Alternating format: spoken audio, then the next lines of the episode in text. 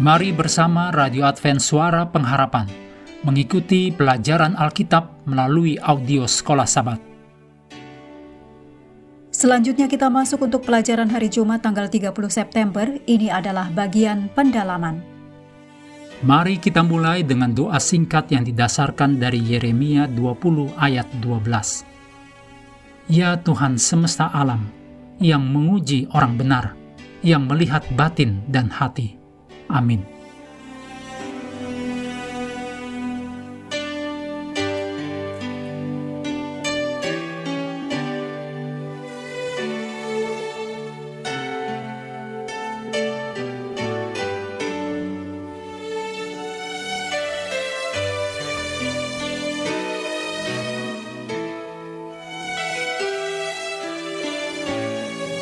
Bacalah tulisan Ellen G. White, Mengapa dosa dibiarkan? Di halaman 21 sampai 34 dalam Alfa Omega Jilid 1. Kemudian asal mula dosa di halaman 515 sampai 527 dalam Alfa dan Omega Jilid 8. Berikut ini kutipan dari tulisan Ellen G. White, Konfrontasi, halaman 32 dan 33. Tidak ada harapan penebusan yang tersedia bagi mereka yang telah melihat dan menikmati kemuliaan surga yang tak terkatakan itu, dan yang telah melihat kedahsyatan keagungan Allah. Lalu, di hadapan semua kemuliaan ini, mereka telah memberontak melawan Allah. Tidak ada pertunjukan kuasa kemuliaan Allah yang baru dan ajaib yang bisa membuat mereka terkesan begitu dalam, seperti yang telah mereka alami. Jika mereka bisa memberontak dalam kemuliaan yang agung itu, mereka tidak dapat ditempatkan dalam keadaan yang lebih baik untuk diuji.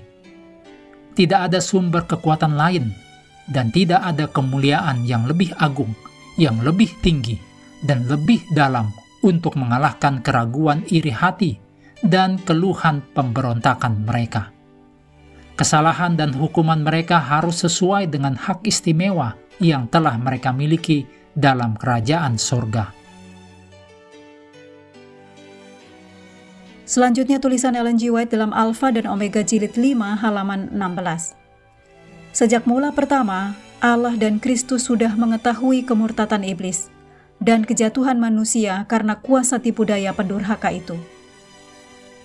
Allah tidak merencanakan supaya dosa ada, akan tetapi melihatnya lebih dahulu jauh sebelum dosa itu lahir.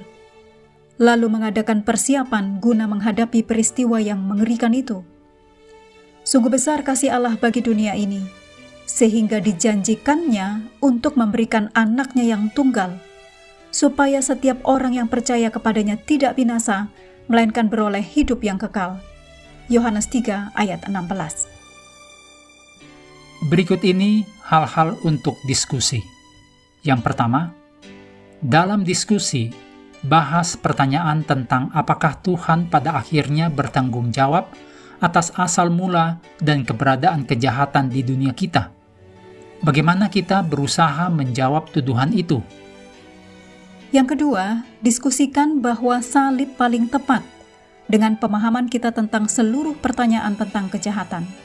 Beri penekanan bahwa salib dan apa yang terjadi di salib haruslah menjadi pusat segala pemahaman tentang asal mula kejahatan. Yang ketiga, setelah ribuan tahun dosa dan penderitaan di dunia kita, iblis sekarang harus sepenuhnya menyadari konsekuensi tragis dari pemberontakannya. Diskusikan mengapa iblis masih melakukan pemberontakannya melawan Tuhan. Dalam Matius 5 ayat 43 sampai 48, Kristus berbicara tentang kasih Allah yang tanpa syarat bagi semua manusia sebagai pola untuk semua interaksi kita sendiri Bagaimana diri Anda dapat mencerminkan pola ini lebih dekat di dalam keluarga dan gereja Anda? Yang kelima, Rasul Petrus memperingatkan kita bahwa iblis berjalan keliling seperti singa yang mengaum-aum dan mencari orang yang dapat ditelannya. Demikian yang ditulis dalam 1 Petrus 3 ayat 8. Efesus 6 ayat 10 sampai 20 yang perikopnya adalah perlengkapan rohani, adalah petunjuk agar kita bisa menang melawan tipu muslihat iblis. Ada tertulis dalam Efesus 6 ayat 11, Kenakanlah seluruh perlengkapan senjata Allah, supaya kamu dapat bertahan melawan tipu muslihat iblis. Mengakhiri pelajaran hari ini, mari kembali kepada ayat hafalan kita, Yesaya 14 ayat 12.